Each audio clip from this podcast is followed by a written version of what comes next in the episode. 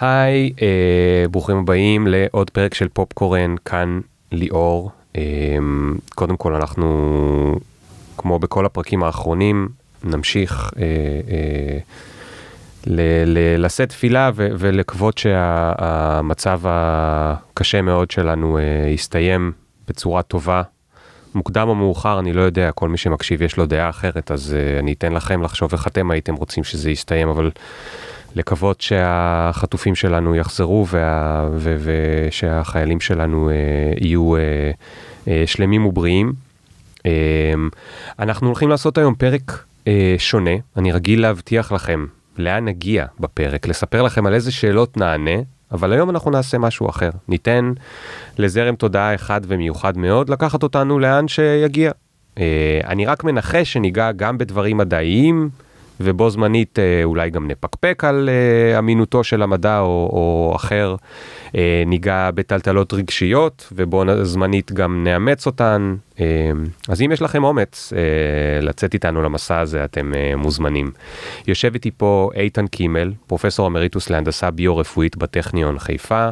בן 72, בזוגיות, עם בנות ו- וסבא, וגם בספטמבר 2009 אובחן אצלו פרקינסון, ולאחרונה פרסם את ספרו הראשון, טלטלה, אה, שקראתי כבר, הספקתי לקרוא רק כחצי, אה, אני מאוד מאוד ממליץ, אנחנו נדבר הרבה על טלטלה נראה לי היום, או אולי לא נזכיר את המילה יותר מדי, אבל כל הדיון שלנו יהיה סביב זה.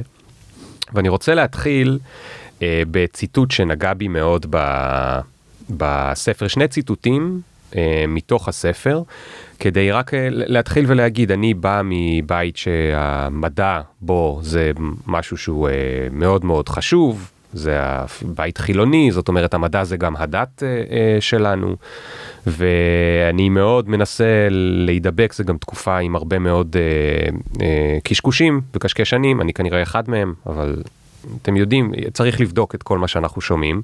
ואני רגיל למשל, ל, ל, כשמספרים לי איזושהי עצה או, או תרופת סבתא או משהו, ללכת לחפש במכון דוידסון, במכון ויצמן, שם לראות מה הם כתבו על זה באמת, ולא באחד מה... גורמי התוכן הרגילים, לא נציין שמות כדי לא להעליב, אבל שלא בדרך כלל לא עושים יותר מדי בדיקות.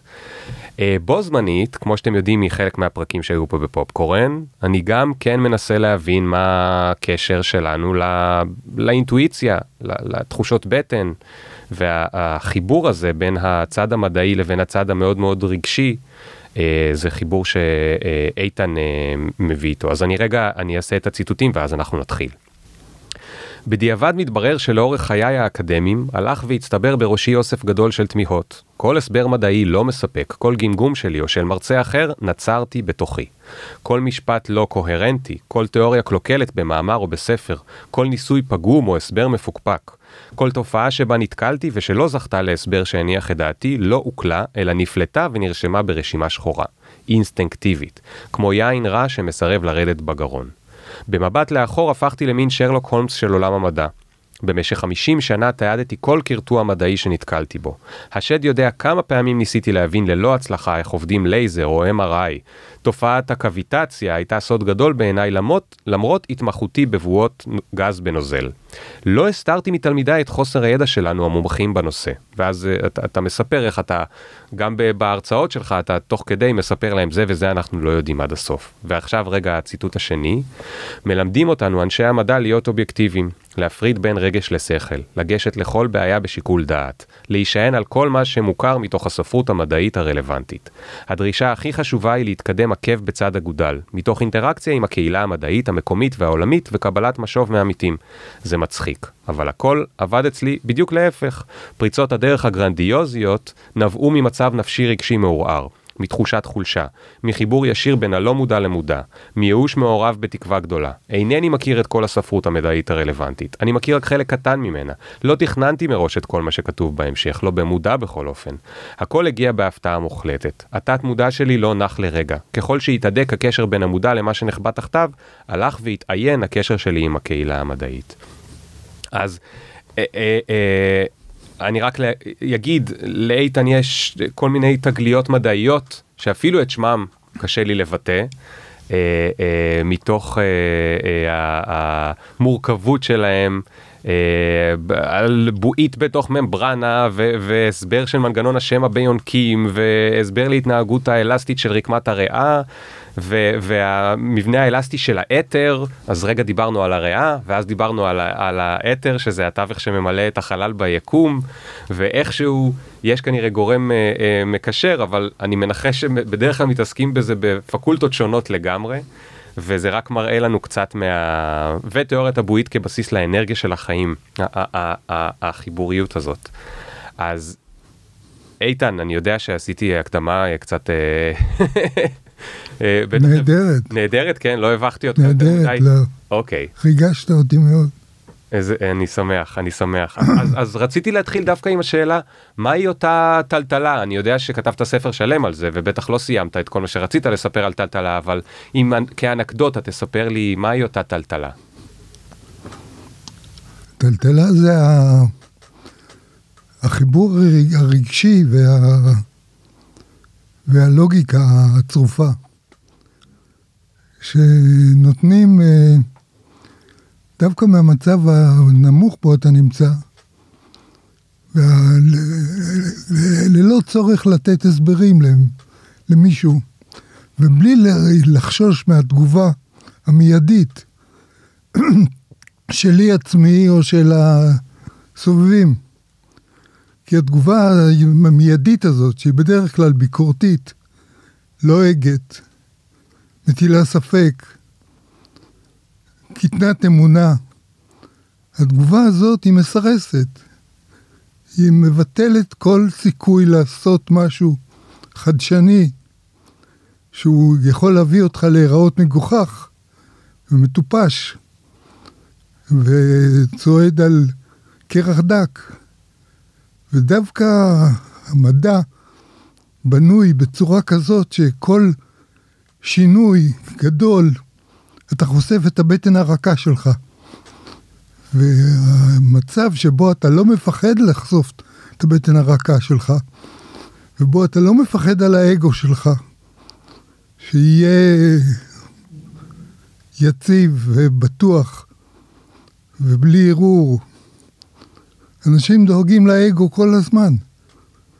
איפה הם נמצאים בשיחה, איפה הם נמצאים בתגלית, איפה הם מה הצד שלהם, מה הם מרוויחים מזה, איך הם מתחזקים. זאת השאלה שכל הזמן נמצאת פה על, ה... על סדר היום. איך אני יוצא מהשיחה הזאת, איך אני מרגיש, איך אני מתקבל. ובמקום זה, אם אתה משתחרר מכל הקשקשת הזאת והשטויות האלה, שהם רק מפריעים ורק יוצרים סיכוך כזה של קונצנזוס מטופש של אנשים מטומטמים. לא, אני מגזים אולי קצת, אבל אה, אנשים חכמים מאוד ששבויים ב... בכל מיני דברים שהם לא חשובים. ורק כשאתה משתחרר, מה... אני בכל אופן, משתחרר מה... מה...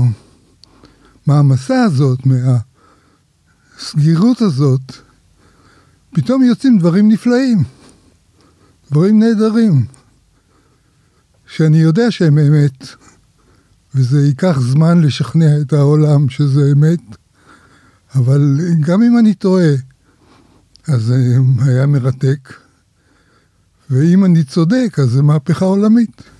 Hmm. וואו. אני... אני, אתה יודע, זה מדהים, כנראה כל אחד שמע את זה עכשיו באוזניות שלו איפשהו, או בספיקר, אחת ואחת. ואני יודע קצת יותר על הרקע שלך, אבל אני חושב שכל מי ששמע את זה איפשהו הצליח להתחבר. כולנו כל הזמן נמצאים במקום הזה, שלמעשה כנראה כולנו נמצאים בתוך הבועה הזאת שסיפרת, מבלי לזכור שאם נצליח למצוא את האומץ אולי יצא לנו משהו אה, גדול, כי אנחנו כל כך מורגלים ל- לתת לקול הזה, או לקולות האלה, את המקום אה, להחליש אותנו או להשתיק אותנו. אני הייתי נוסע, עם, הפסקתי לנהוג לפני כמה שנים, והייתי נוסע עם נהגי מוניות. ומדבר איתם, מספר להם על התגלית היומית, השעתית. ובדרך כלל, אם הייתה התנגדות מצידם, הייתי זורם עם ההתנגדות הזאת. והעיקר לצאת בהרמוניה, לצאת בשיחה, בתחושה טובה מהשיחה. והייתי מוותר על כל מיני רעיונות, בגלל נהג מונית, שהטיל ספק במה שהוא שמע שנייה קודם.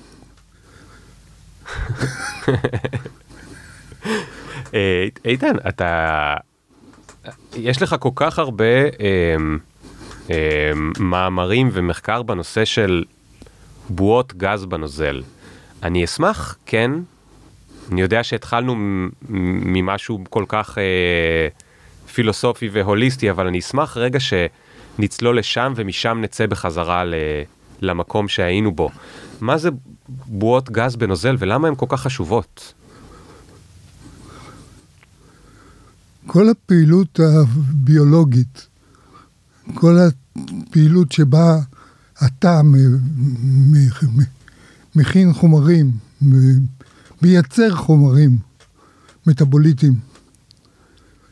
אתה חי, מקיים את כל הפעילויות החיים, נמצא בתנועה, מתקדם לאן שהוא רוצה. כל הפעולות האלה מצריכות גמישות והתכווננות וריכוז אנרגיה לנקודה מסוימת תוך השגת גמישות מסוימת שמאפשרת את התנועה. למשל, תא כדורית אדומה בכלי דם, בקפילרה. הכדורית נדחקת, מתעוותת, זורמת לה בתוך הקפילרה, בתוך כלי הדם הקטן, בתוך הנים. וזה דורש המון אנרגיה. אלא אם כן יעשה משהו שיאפשר לכדורית הזאת להיות גמישה, להיענות, להגיב, להתעוות כמו שצריך, לשנות את התכונות. וכל זה ניתן לעשות באמצעות שילוב של בויות שנמצאות בתוך הממברנות של התא. הבויות הגז הקטנות האלה, המיקרומטריות, עוברות בקלות רבה שינוי מצב צבירה. הן נדחסות לפי הצורך, והופכות להיות קטנות מאוד, ננומטריות, בגודל של מולקולות, כמה, כמה מולקולות. והשינוי, המעבר הזה, נותן את הגמישות וגם נותן אפשרות של ריכוז אנרגיה למקום בו רוצים שתהיה פעילות מטאבולית, במקום שבו רוצים לייצר חלבון, במקום שרוצים לייצר חומר ביולוגי, במקום שבו נעשית, נעשית פעילות. ואז הצורך הזה, שמלווה בתנועה ותזוזה יש לנו במערכות העצבים, בשרירי השלד, בכלי הדם, במוח. התזוזה הזאת קשורה גם בנוכחות של בועיות כאלה, טריות ופעילות ועם הרכב גזי מתאים, שמתאים לפעילות הביולוגית. וזה, זהו הצ'י. זהו הצ'י שמדברים עליו ברפואה סינית, והסינים מדברים עליו כל כך הרבה. זאת אנרגיית החיים. אנחנו לא חיים מאנרגיה שמספקת לנו המזון, שמספק המזון. המזון מספק רק חלק קטן מהאנרגיות שאנחנו משתמשים בהם, מההספקים שאנחנו, העצומים שאנחנו משתמשים בהם בשביל פעילויות החיים. וכל זה מתקבל מהבועיות הקטנות האלה שמשנות מצב צבירה בקלות וזמינות בכל תא במהלך החיים שלנו. אתה יודע, אמ, אה, פשוט בגלל מה שאתה אמרת בהתחלה, אני אנסה להיות נאמן ל... להיות כאן. לא תכננתי בכלל להעלות נושא כזה, אבל אתה דיברת עכשיו על, אמ, על, על משהו שהוא בין, אתה יודע, אנחנו לפעמים אומרים, גוף האדם הוא מכונה. כש, כשהייתי קטן היה ספר כזה עם רובוט צהוב, אם אתה זוכר אותו, כיצד פועל גופך. ספר כן, די טוב, כן. אה, בשנות ה-80 אני מניח. כן. והגוף נראה כמו רובוט מאוד מכני, התנועות מאוד אה, אה, אה, אה, ספציפיות, אה, מתוכננות מראש, אה, ברור לאן הן הולכות, אפשר לחזות אותן, והן זזות מימין לשמאל או מלמעלה למטה או באיזושהי זווית ומשהו כזה. ואתה עכשיו צירפת לתוך הסיפור הזה משהו שנשמע כמו אה, ריקוד, אה, אפילו לא ריקוד בלט, איזה ריקוד גגה של בת שבע, זאת אומרת משהו שהוא מאוד, ב, ב, ב, אה, יש לו כמעט, אמרת התכווננות, יש לו כוונה, והוא מנסה להזיז דברים, זאת אומרת משהו שהוא, ואני, אני מצטער שאני לוקח את זה לשם, אבל אני, הראש שלי לקח אותי ל... ל החיילים שלנו עכשיו ב, ב, בשדה הקרב, ועל ההבדל אולי בין ההסתדרות שאנחנו רואים ב... במסדר, שהרס"ר עושה מסדר וכולם עומדים בשורות ובטורים מסודרים, וההפך הגמור בין זה לבין מה שבאמת קורה אה, אה, בשדה הקרב, שהוא כנראה הרבה יותר דומה לאותן אה, מערכת יחסים בין הבועיות גז לבין תאי אדם או כל הדברים האחרים שציינת שיש שם. זה הכל, אה, הכל עניין של סדר ושל אה, מגמה,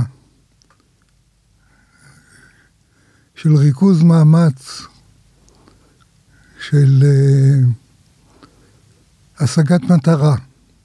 כל המושגים האלה הם מושגים של הקטנת האנטרופיה.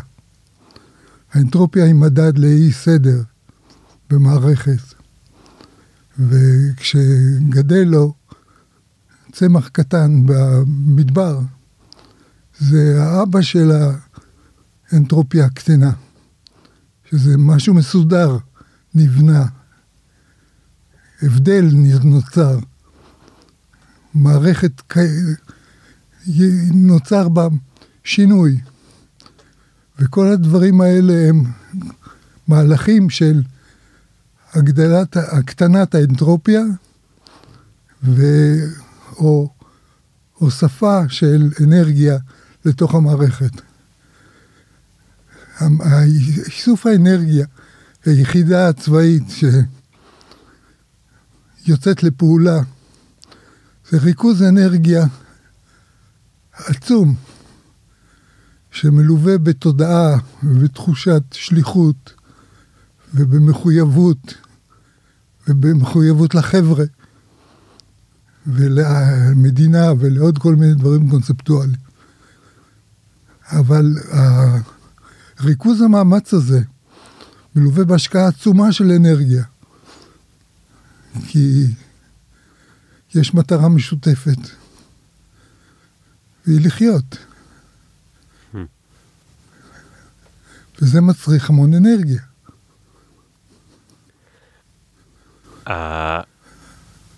אתה מספר בספר שה... יש איזושהי נקודת מפנה שקורית לך כשאתה ב... בכלל בריו, בברזיל. אה, אני אשמח שתספר קצת על הנקודת מפנה הזאת. זה היה, זה היה, הייתה תקופה קשה מאוד. בין הקרנבל ו... ה-Christmas, בין החופש והאינסופי והמחויבות למכון מחקר שעבדתי בו, בין הלבד והמון אנשים מסביב, המון יצרים מסביב, המון תחושות מסביב, והלבד וה... בנות שהיו אמורות להגיע ולבקר אותי. והפגישה עם בת הזוג שלי לפני זה, הכניסו אותי לתקופה מאוד מביכה, מאוד מטלטלת. מין משבר כזה שמלווה היה בבכי ובתהיות ובכתיבה. שאז התחילה הכתיבה. בתוך הכאב, בתוך החוסר ביטחון, בתוך השאלות הלא פתורות. התחילה כתיבה שהייתה כתיבה אישית, רגשית, אבל כבר בה היו משולבים קטעים מדעיים, על פוליטיקה מדעית, על שיחות מדעיות, על תהיות מדעיות, על השאלה מה קושר אותך למקצוע, מה, מה הסיבה שאנשים בחרו בהנדסה ביו-רפואית. סיבות עמוקות, סיבות רגשיות. וזה הביא אותי לסדרת, לכתיבה של ספר שהיו בו חומרים נפיצים, ועדיין יש בו, ולכן הוא נגנז. אבל כמה פרקים מהספר שולבו בספר הזה, בטלטלה, שהיה מלווה בתקופת כתיבה נוספת, גם שהייתה מלווה במשבר רגשי ואישי. מה זה חומרים נפיצים? מה הכוונה? אה, קטעים שבהם אני מופיע לא טוב כל כך, לא אמין כל כך, לא ישר כל כך. שאתה מתעד את עצמך ככזה? כן. Hmm. מה, זה לא בשביל הבנות שלי לקרוא, לא בשביל הנכדים שלי. אתה יודע, אחרי מותי, אחרי מותי שיפרסמו את זה. אני חשבתי שתגיד נפיצים אה, בקהילה המדעית, זאת אומרת שאתה הולך ל- לשבור כמה אה, סטיגמות או אז פרדיגמות. זה- זה- הכתיבה המאוחרת יותר. Hmm. הכתיבה היא הייתה תמימה יותר, אישית יותר. הכתיבה שהתחילה ב-2018, זרם התודעה שהתחיל לפרוץ ויצא לפני השטח, הכיל חומרים נפיצים. כל מה שאני מדבר עכשיו, אנשים מתכווצים כשאני מדבר איתם. כמה שהם אנשי מדע יותר דגולים, ככה הם מתכווצים יותר. למה בעצם? כי אני משנה פה, משנה תפיסה. ונוכחתי לדעת שהתפיסה הזאת, הבסיס המדעי הזה שאנחנו כולנו נשענים עליו בצורה זו או אחרת, אנשים מבינים את תורת היחסות. חלקית, שני אחוז, שלושה אחוז מה, מה, מהתורה הם מבינים.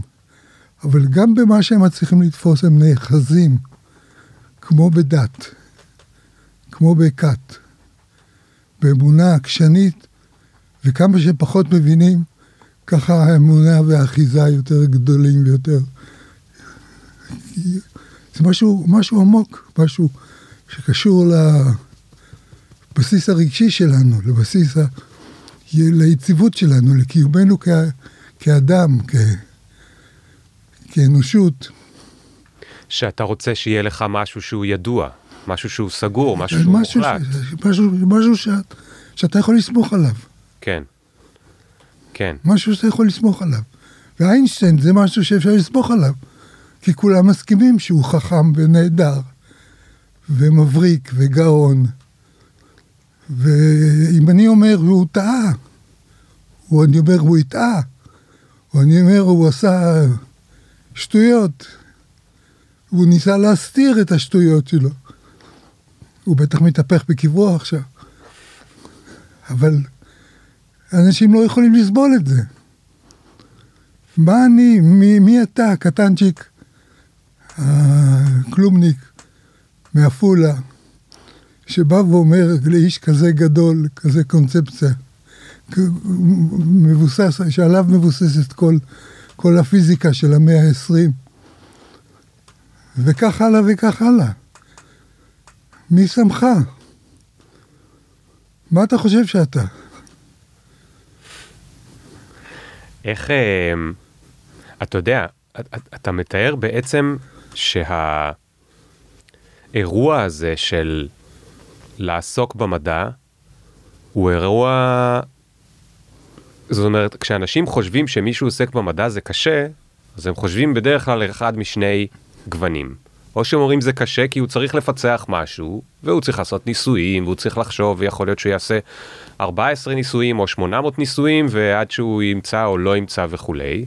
הגוון השני שבדרך כלל אומרים עליו זה אם אנחנו קצת יותר מבוגרים ומבינים את הפוליטיקה של האקדמיה, או אפילו לא הפוליטיקה, אלא רק ה...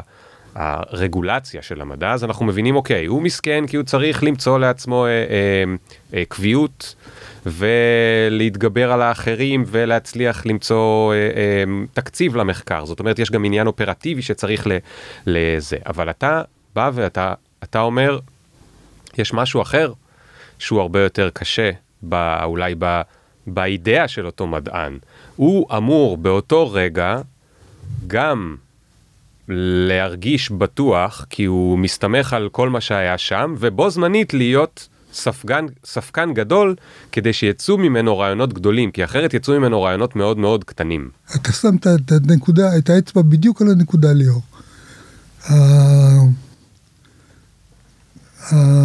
היצירתיות שנדרשת בשביל לעשות שינוי גדול בקונספציה, היא טובה, היא תובענית מאוד, היא מלווה בחרדות, היא מלווה בהליכה באזור לא ברור. אתה לא יודע מה צפוי לך. וזה האי הוודאות הזאת, היא, ה... היא הרסנית, היא מטלטלת, היא מבלבלת, היא מכניסה לחרדה נורא, קיומית. אנשים נמנעים מזה, מתעסקים בזיכרון, זוכרים עבודות של אחרים, זוכרים את העבודות שלהם, מתבססים על הניסיון המוקדם. זה בטוח. ללכת נגד הזרם זה לא בטוח. כי זה מאיים על הפרנסה שלי, או לא רק? הכל, זה מאיים על הבסיס הקיומי שלי. זה מאיים על הדבר הדבור על אופניו. זה כמו שיגידו לך שה... הרעיון של מדינת ישראל הוא לא, לא, לא יתקיים, הוא לא, לא ימשיך, או לא... זה, זה דברים בסיסיים, שאי אפשר לסמוך על צה"ל. זה נורא. זה דברים נוראים. כן. איך אפשר לקבל אותם? הרי עליהם אנחנו בנויים, כל הקיום, כל הקיום שלנו בנוי על זה. זאת אומרת, אה, סיפרו לנו שהיינו קטנים שיש אה, מי שלוגי שילך למדעים, מי שלא שילך לאומנויות, ואתה בעצם אה, גורם לי לחשוב שהמדען הטוב הוא בעצם צריך להתנהג כמו אומן. זאת אומרת, האומן הרומנטי שגם ככה אין לו כל כך ממה להתקיים, וגם ככה הוא זה, ולכן הוא יכול באמת להשתגע ולעשות... אה... זה כמו ראש אמן שצריך להיות טיפוס חרדתי ולא גבר-גבר. Hmm. האומן, המדען הוא כמו האומן. אם הוא לא מחובר לאינטואיציה שלו, אם הוא לא מחובר ללא מודע, מספרים על קקולה שחלם על מבנה הבנזן. בלילה חלם ובבוקר קם מבנה. זה, זה לא יוצא מן הכלל, זה, זה הכלל. זה כמו יצירה מוזיקלית, כמו ציור, כמו פיסול, כמו כתיבת ספר. זה אתה חייב לצאת מעמקי הנשמה שלך. ואם הנשמה היא מיוסרת, טוב טוב, טוב, תהיה אומנות יותר טובה, תהיה יצירה יותר טובה.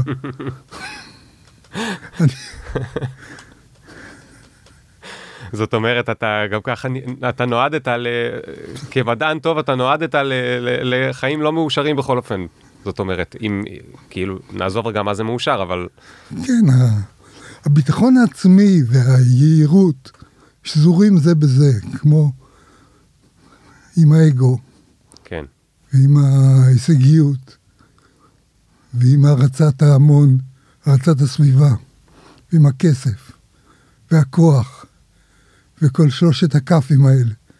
כן. שמדברים עליהם היום. הסטטוס, הסטטוס. הסטטוס. מי אני ומה הולך מי אני, מה האגו, כמה שהאגו יותר שברירי, ככה אני משקיע יותר בשימור שלו. Hmm. אני רוצה רגע כן שתעזור לי אמ, להבין, דיבר, דיברת על הבועיות המיקרוסקופיות בתוך הגוף שלנו, אבל איך, איך מגיעים מפה ל... לא יודע, למבנה האלסטי של האתר? האתר, התווך של החלל. זה נשמע כאילו עברת פקולטה או שתיים. האתר זה היסטוריה של המדע. האתר זה בכלל אה, תווך שהיום לא, מוכר, לא, מוכר, לא מכירים בו בכלל. כן, היום מדברים על ואקום מלא, ריק מלא בין כדורים קטנים חרוזים שמייצגים את חלקיקי החומר. חרוזים פסיביים, אינרטיים, שלמים, לא פריקים. הם מייצגים את מבנה החומר, האלקטרון, חרוז כזה, הפרוטון, חרוז כזה, הניוטרון, חרוז כזה. וכל החרוזים האלה הם מוקפים בריק מסביבם. במה הם עשויים? לא יודעים. מה המשמעות של זה? לא יודעים. למה E שווה ל-MC בריבוע? לא יודעים. למה, מה יש כוח חשמלי, מה זה כוח חשמלי? לא יודעים. מה זה כוח מגנטי? לא יודעים. ובמצב חוסר הידע הזה, מופיע פתאום חומר אפל. שהוא משנה את כל הס- את הסיפור, אבל אף אחד לא מעז להגיד, החומר האפל הוא בעצם האתר שהזנחנו אותו והפלנו אותו בתחילת המאה ה-20, והוא לא חזר מאז לסיפור. ומסתכלים עוד על המאה ה-19, מה שעשיתי בדיעבד אחרי התגליות שלי, אחרי התובנות, ופתאום התברר שבמאה ה-19 עשו, עסקו בחומר כוורטקס, כמערבול, כערבול, כמערבולת, כמין טורנדו כזאת, מגולגלת ללולאה קטנטנה, ששזורות אחד בשני, לולאות חוטי אנרגיה, שמרכיבים רשת של חוטים, של כורים, שקושרים כל דבר עם כל דבר. והחלקי החומר האינרטיים, השלמים, הלא פריקים, מסתבר שהם אוסף של מארזים של חוטי אנרגיה חשופים שמסובבים את היתר מסביבם ומותחים אותה ומרכזים אותה, אותה, את היתר, אותו. כן. והמותחנים האלה והיתר שהוא גם אלסטי וגם מתנהג כמו גז דחיס הוא אשר נותן את כל התכונות של החיים ואת כל הכוחות של החיים. אנחנו מחוברים, אנחנו בנויים בקשרים, אנחנו מקשה אחת. כל האנושות מחוברת, מקושרת, מושפעת זה מזה. רגע, רגע. קפצת, קפצת מהאתר לזה שאני ואתה עכשיו מקושרים. כן, כמובן. מה כוונתך? איך אנחנו מקושרים? אתה רואה אותי, כן. יש השפעות ב, ב, ב, ב, במבנה שלך שנובעות במה שאתה רואה. יש שינויים במבנה המוח שלך, שנובעות ממה שאתה שומע, שנובעים ממה שאתה מריח, ממה שאתה מרגיש בתחושה הפיזית שלך, מה שאתה מרגיש ברגש. אם אני פוגע בך, אני נפגע בעצמי. אם אני מעליב אותך, אני מעליב את עצמי. כל... הכל ביחד, עובד ביחד, כגוף אחד. זה לא, שפש... זה לא פנטזיה שהתאומים שקרובים אחד אל השני, אח ואחות, או שני אחים, מרגישים אלה את אלה גם במרחק.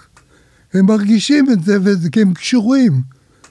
והחלקיקים הנשזרים בתורת הקוונטים, בשזירה קוונטית, בחישוב קוונטי, הם קשורים, והנמלים קשורות, והפטריות קשורות, והכל קשור, הכל מקשה אחת, הכל קשור, וזה שינוי גדול בתפיסה. אתה חושב שיש היום בקהילה המדעית יותר ויותר אנשים שחושבים ככה? לא, הם לא משתנים. זה כמה ווירדוס, כמה מוזרים, שנמצאים בשולי הקהילה. אף אחד לא חושב כמו שאני חושב כרגע. זה... אנשים מסרבים לחשוב. אנשים דוחים את הרעיונות האלה, לא נותנים לי אפילו להשלים אותם. אתה ליאור נותן לי פה במה לדבר. אנשים מאבדים את הסבלנות שלהם הרבה קודם. ואומרים, זה מעניין, זה, זה מיוחד, זה כתוב יפה. זה... מתייחסים לאסתטיקה של, של הרעיונות, לא מתייחסים לרעיונות עצמם, או שהם לא יודעים מספיק, או שהם יודעים יותר מדי, או שהם לא מבינים אותי. אבל, או שזה חומר נפיץ. אני, אני יכול אבל לנחש למה חלק, זאת אומרת, בנוסף לסיבות שציינת, מה שתיארת קודם, החיבור בינינו ובינינו לבין האתר, והנמלים והפטריות וכל מיני דברים שאנחנו מתחילים לראות גם בזמן האחרון בנטפליקס. זאת אומרת, לא, לא בצד הרוחני של נטפליקס, בצד המדעי של, ש, שרואים בנפרד את הפטריות ואת העצים מדברים ואת הנמלים ומצטברות להם יותר ויותר ויותר תופעות ש, שגורמות לחשוב שאולי יש את הדבר הזה. ואני יכול לנחש אולי, אני לא נמצא בקהילה המדעית, אבל אני יכול אולי לנחש שאחת הסיבות להתנגדות שיכולה לעלות מזה, חוץ מלהגן על עצמם והאגו שלהם וכולי, זה כי זה נשמע כאילו אנחנו מסיימים איזשהו מעגל וזה תכף מגיע עד לדת. זאת אומרת, אפילו שלא תיארת בפרוטרוט, אבל אני, אני חושב שאני מבין לאן, על מה בערך אתה מדבר, שכולנו קשורים וכולי, ולמקום הרגשי, זה כבר מגיע למקום הוליסטי כל כך יפה. זה, זה, אתה מבין מה אני מתכוון? זה, זה כאילו יפה מדי. אה, אתה, תופס, אתה תופס בדיוק את הנקודות העיקריות, אני מוכרח להגיד לך.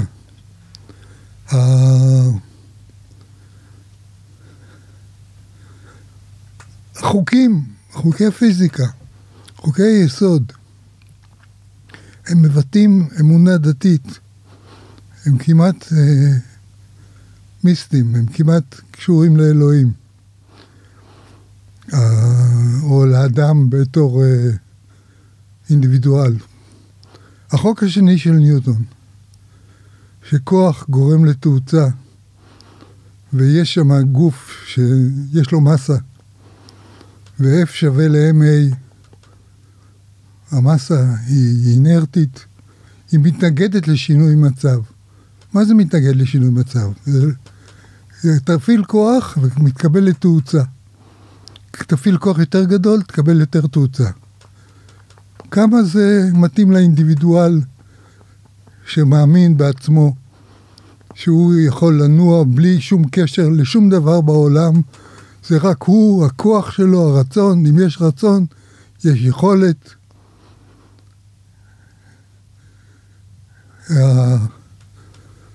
הכוח הוא בידיי. התגובה בידי הטבע. אבל הטבע לא מתנגד לי, הטבע רק לא אוהב שינויים. כל הזמן אני מחדש, אני מקדם, אני זורם קדימה. ופרצת. זה אתה עובד ללא גבולות, זה רק תלוי בך, ברצון שלך. אבל אם אני בא ואומר, ניוטון טעה, הכוח הוא מייצר כוח נגדי. המינוס FA, המינוס MA של ניוטון הוא כוח נגדי, שהאתר מסביב לגוף המאיץ מפעיל. וכמה שתפעיל כוח גדול יותר, תתקל בכוח מתנגד יותר. כמה שתרצה תאוצה גדולה יותר, תקבל כוח מתנגד יותר. זאת אומרת, זה שינוי בתפיסה. זה במקום אני ויכולתי וזהו, ותו לא, זה אני והעולם שנגרר מאחורנית. זה מדבר על פערים, זה מדבר על uh, קהילה, זה מדבר על שינוי. כן. זה, אתה תלוי בסביבה. אתה כבר לא לבד. זה לא רק אתה והרצון שלך. כן. אנשים לא מסוגלים לקבל את זה. הם לא יודעים למה, אבל הם לא מסוגלים לקבל את זה, דבר כזה פשוט. הם אומרים לי, זה סמנטיקה. אני אומר, לא, זה שני כוחות לעומת כוח אחד. זה כוח מתנגד שקשור לתאוצה, והוא מתנגד לשינוי. הוא מתנגד לקדמה. הוא קיים שם כל הזמן, אי אפשר להתעלם ממנו. אולי, אולי, אני חושב שדווקא בזמנים האלה יהיו קצת יותר אוזניים למה שאתה מתאר פה. לא רק בארץ, אגב, אה, עם מה שאנחנו עוברים, גם בעולם מתפוררים כל מיני דברים בארצות הברית ובזה, אבל אני, אני רגע אנסה ל... לחזור על חלק ממה שאמרת, לראות שהבנתי, וגם לקשר את זה לדברים אחרים. אתה, אתה אומר שאולי זה אני לא יודע אם אמרת את זה, אז אני אגיד. אבל אולי במקרה ולא במקרה, אה, מאוד קל לנו לאמץ את אה, חוקי ניוטון, שבו כמה שאני אפעיל כוח אני אתקדם, באותו זמן שבמקרה או לא במקרה, אה, התפיסה של האינדיבידואל מתחזקת בעולם המערבי. וזו התפיסה שאומרת, אם אני אעבוד קשה, אני אצליח. אם אני אתאמץ, אני יזוז. בדיוק. זה תלוי בי. בדיוק. וכל מה שלא תלוי בי זה תירוצים. בדיוק. ואני אאשים אה, אותם בהכל. בדיוק. וכולי. ולכן, זה אחר, גם אחר, קל לי לאמץ את. הפיזיקה. מספרים לי שככה העולם עובד, ואני אומר, נכון, נכון. ככה הוא עובד. אם אני אעבוד קשה, אני ארוויח יותר ו- וכולי. ואיפה יש כשל בתפיסה הזאת? אם היית באוגוסט 45 בירושימה, בתחילת אוגוסט היית שם, הלך עליך. כן. וזה לא משנה מה עשית, וזה לא משנה אם אתה בן אדם טוב, או בן אדם רע, או שייך לקהילה כזאת, או שייך לעם הזה. היית בהירושימה, הלך עליך. כן. זה, זה, זה הסיפור של איוב. זה הסיפור של איוב. אלוהים והשטן עשו התערבות. כל הצרות נגרמו לו בגלל ההתערבות. באים שלושת הרעים ואומרים, זה אלוהים אתה לא מבין אותו, אבל מה יש פה להבין? הם עשו התערבות. זה לא היה שום דבר שקשור לפעילות שלו. הוא היה צדיק, הוא נשאר צדיק. הוא היה בסדר, הוא היה מענץ', והוא נשאר מענץ'. ועל זה הוא קיבל דברים טובים, אבל כל הרע שנפל עליו, נפל עליו בגלל ההתערבות בין אלוהים והשטן, לא בגלל משהו שהוא עשה. כן.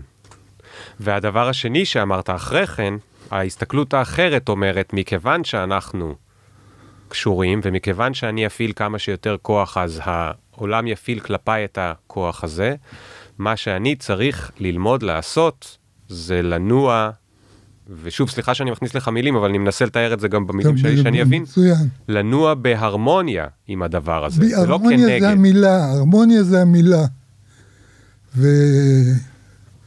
ופערים, וכיסי מוגלה, ואי צדק, הם כולם מפרים את ההרמוניה. מה הנביאים מדברים כל הזמן? תעשה צדק, והיה צדק אזור מותניו, והאמונה אזור חלציו. צדק, צדק, לא זבחים, לא תפילות, צדק. זה מה שצריך לעשות. כל אחד וכל קהילה וכל עם במישור שלו, בטריטוריה שלו, באזור הסמכות שלו, שידאג שיהיה צדק, שיהיה יותר טוב ממה שהיה מקודם. פחות פערים, פחות הבדלים, פחות קנאה, פחות צרות עין. אי אפשר להעלים אותה לגמרי, זה לא עולם אוטופי. אבל לשאוף, לשפר, לעשות האחדה, לעשות הרמוניה. הרמוניה זה טוב.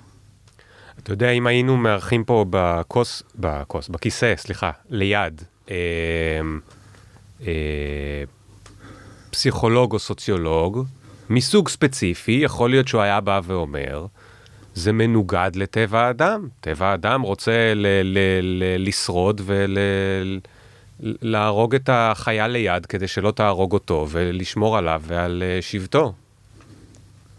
טבע האדם הוא דבר שצריך לחשוב עליו ולאפשר אותו, לאפשר לו להתבטא, לקחת אותו בחשבון, כשבונים שיטת משטר, צריך לקחת בחשבון את טבע האדם.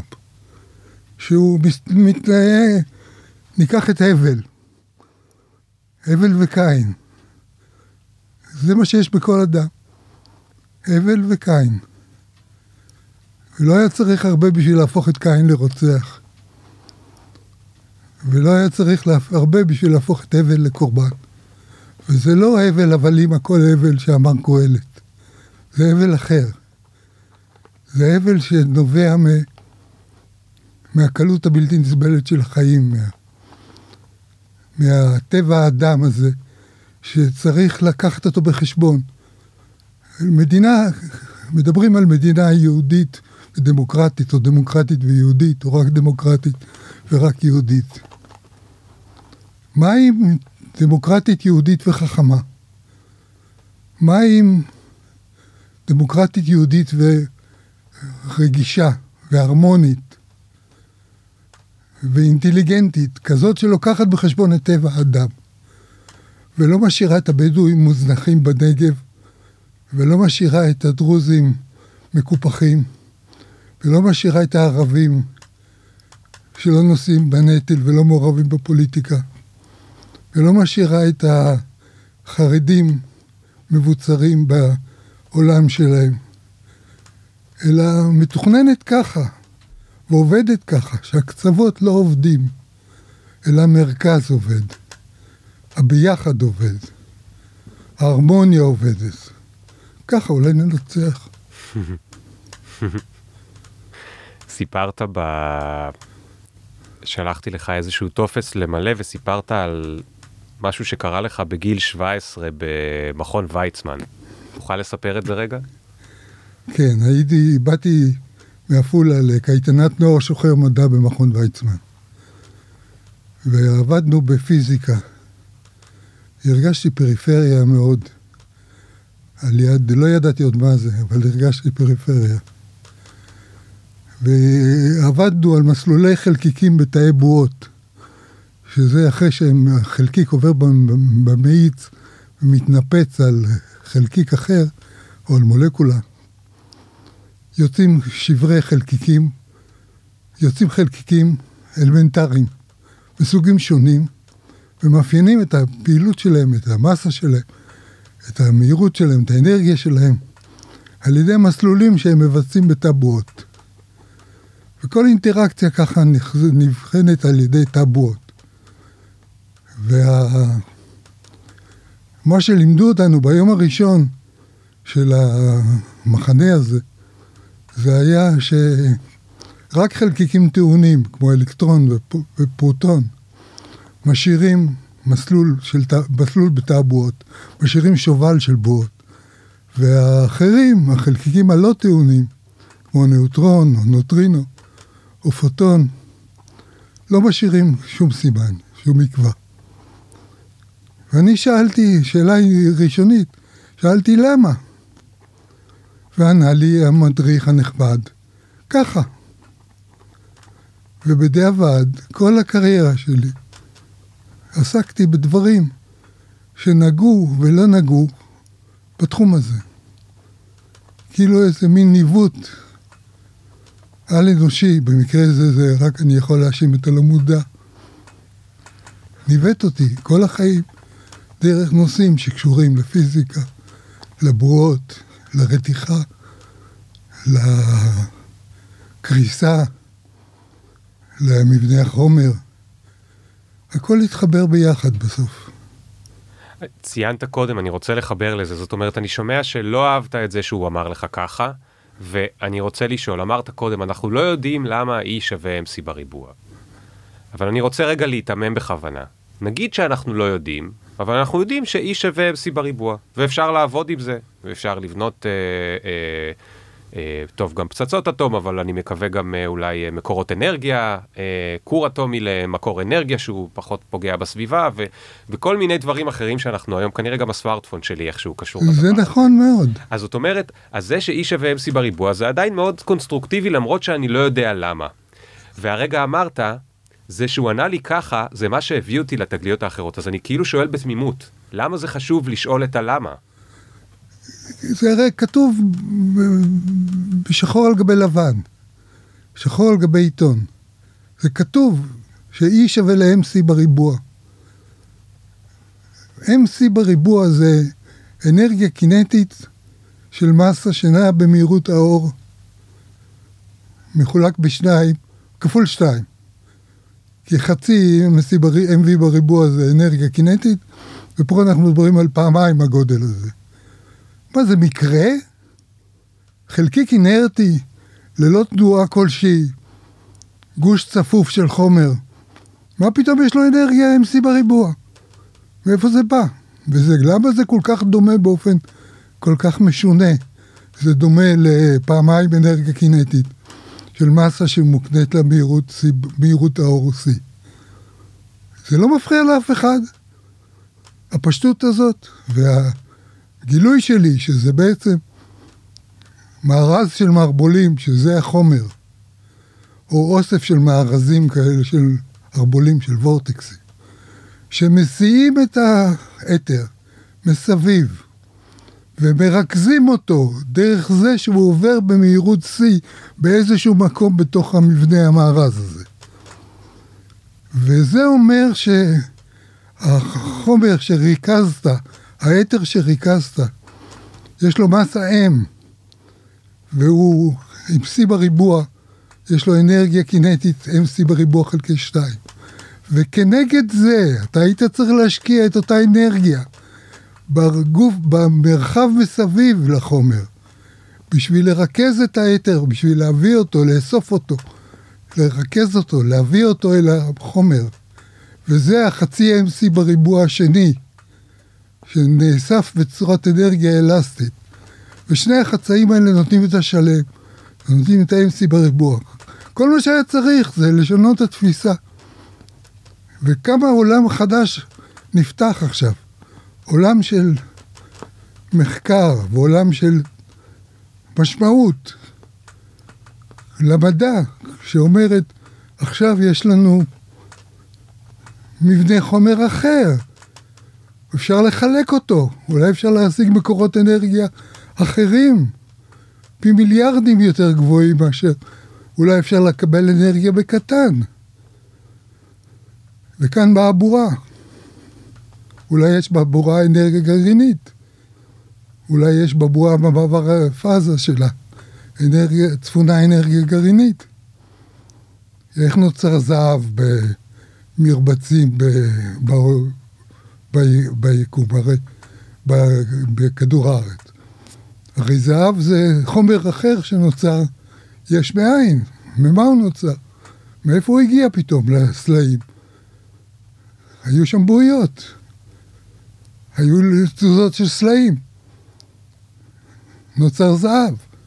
אז אפשר מהבועה ומהתיאוריה החדשה לייצר זהב. אפשר לייצר הרבה דברים אחרים. זהב זה לא מספיק מעניין. איתן, אני חייב לשאול אותך שאלה אחת, אה, כן, קצת קשה. כאילו, פחות, פחות נחמדה מהשאלות הקודמות. בספר אתה מתאר, ואני מאוד, אני מאוד חושב שזה נכון, שהרבה פעמים כל אחד מאיתנו רואה את העולם דרך המשקפיים שלו. אז ההוא... אה, אה, מדען, אה, ש, לא יודע, שיותר קרוב למכניקת הקוונטים, אז הוא מסביר הכל אה, דרך מכניקת הקוונטים, וההוא מתאר את זה והוא מסביר הכל דרך זה, זאת אומרת, אנחנו רואים את הדברים, ואתה יודע, אני מתעסק בעולם העבודה, אז הכל מתקשר לי לעתיד עולם העבודה, וככה אני גם מסביר הכל.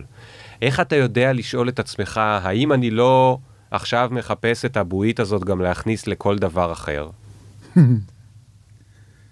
זה ברור שאני מנסה. קודם כל אתה מודה ש... שזה ברור. ש... ברור שאני מנסה, הכל אני רואה דרך הפריזמה הזאת. הצרה הזאת, וה... אבל משהו פה, משהו מסתדר פה יותר מדי טוב. אז או שאני טועה וזה טעות, ואז זה פדיחה. ואיתן קיבל ייזכר ל... כיומרני וכ... מאחז עיניים. או שאני צודק, ואז אה, איזה פוטנציאל לשינוי יש. כן, ואז זה דבר גדול מאוד. ואז זה דבר גדול מאוד, אז ניחא, מקסימום הלכתי אחרי טבע האדם ונסחפתי קצת.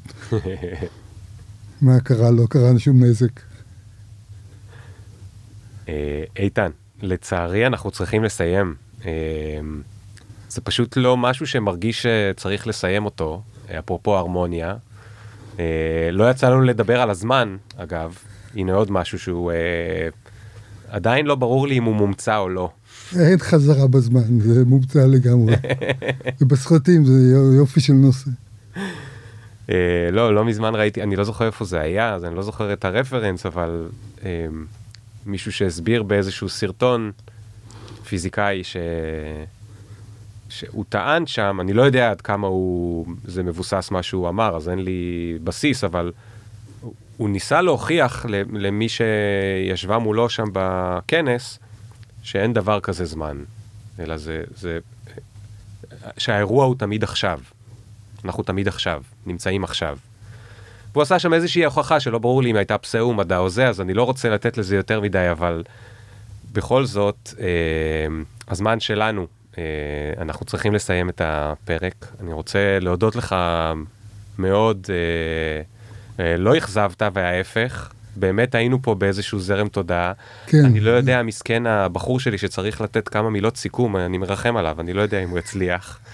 וזה גם בעיניי לא נורא אם הוא לא יצליח.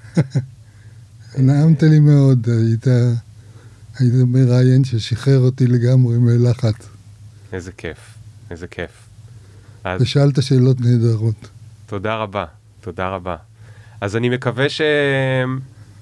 אה, ילכו לקרוא את הספר שלך, וגם אם לא, אה, אה, יקראו קצת, ו, ו, ו, ו, ו, ושוב, אתה יודע, אם אני אתחבר למה שאמרת בהתחלה, אז נשים רגע את האגו ואת הסטטוס בצד.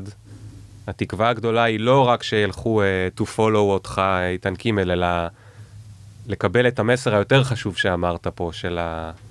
השחרור הזה. זאת אומרת, אם היינו יכולים עכשיו uh, להמציא תפילה, אז התפילה הייתה שנצליח להיות קצת יותר משוחררים מהקולות האלה של הסטטוס ומה יאמרו עליי ומה יגידו, והאם זה כן או לא מתאים לכל מה שאמרו לפני כן.